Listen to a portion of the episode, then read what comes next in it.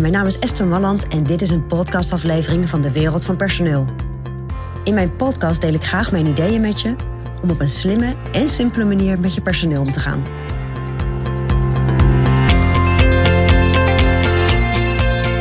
Ja, vandaag wil ik het met je hebben over relaties. En dan vooral de relaties met je medewerkers. En die zijn eigenlijk niet zo heel anders dan alle andere relaties in je leven. Dus ook de liefdesrelaties of vriendschapsrelaties of relaties met leveranciers. Want elke relatie is natuurlijk gewoon bij gebaat op het moment dat je goed afgestemd blijft met elkaar, oog hebt voor elkaar en, uh, en elkaar begrijpt. Nou, dat is eigenlijk niet anders met, uh, met medewerkers. En een van de belangrijkste dingen om, uh, om goed af te blijven, is ook heel duidelijk te zijn over de verwachtingen die je hebt. De verwachtingen die jij van je medewerker hebt, maar ook de verwachtingen die je medewerker van jou heeft. En is eigenlijk heel belangrijk om op het moment dat je een medewerker uh, natuurlijk in dienst krijgt, dat je duidelijk bent over van, nou, wat verwacht je? Heb je ook in de proeftijd wellicht een verwachting? En daarna ook tijdens het inwerken en tijdens het functioneren, maar ook bij ontwikkeling van je medewerker. Kijk, op elk moment is het waardevol om met elkaar even contact te maken en te kijken van, oké, wat is mijn verwachting van jou? En kun je aan die verwachting voldoen?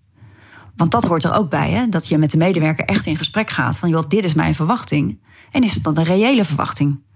En wat daar dan bij hoort, is dat je medewerker ook zegt, nou, dat is prima dat je dat van mij verwacht. Maar dan zou ik het wel fijn vinden als jij dit en dit en dit voor mij regelt. Of als jij zorgt dat ik dit en dit en dit kan.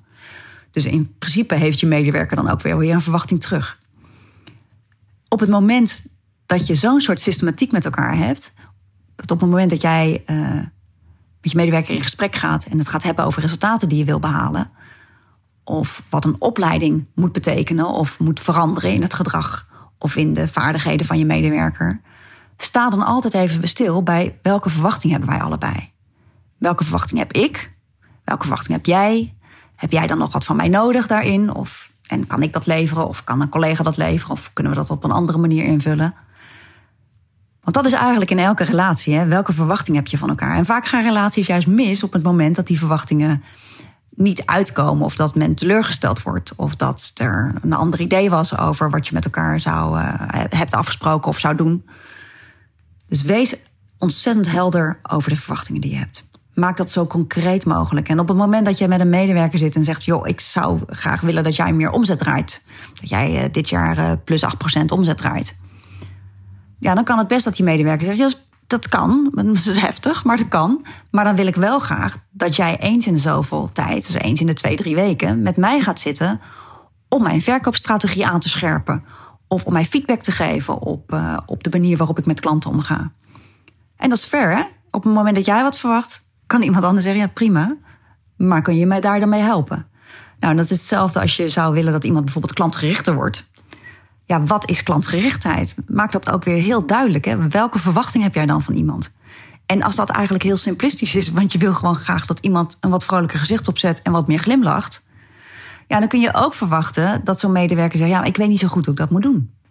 En kun je mij daar dan bij helpen? Of hoe kunnen we dat dan, hoe kunnen we dat dan organiseren? Nou, en dan kan het zijn dat jij zelf voor de trigger zorgt bij je medewerker. Dus af en toe af en toe laat merken van joh, even vrolijker gezicht. Of je regelt dat een collega dat gaat doen. Of er is een andere manier waarop je dat kunt bedenken. Dus uiteindelijk, en dat is het mooie ervan, kom je dan ook in gesprek met elkaar. Van oké, maar als dat het resultaat is wat we willen bereiken, als dat de verwachting is, wat hebben we daar dan voor nodig? En, nou, en het is interessant om dat samen natuurlijk te bedenken. In eerste instantie de medewerker, maar daar kan jij dus ook een rol in vervullen. Nou, en ik denk dat op het moment dat je op deze manier relaties aangaat met je medewerker, dat je afgestemd blijft. Dus je vanaf het begin natuurlijk klikt, maar dat je ook blijft klikken. En dat je niet in, ergens in een chagrijn uh, belandt met elkaar, waarin het zo uit elkaar gaat lopen dat het, uh, dat het geen haalbare zaak meer is om het, om het goed te krijgen.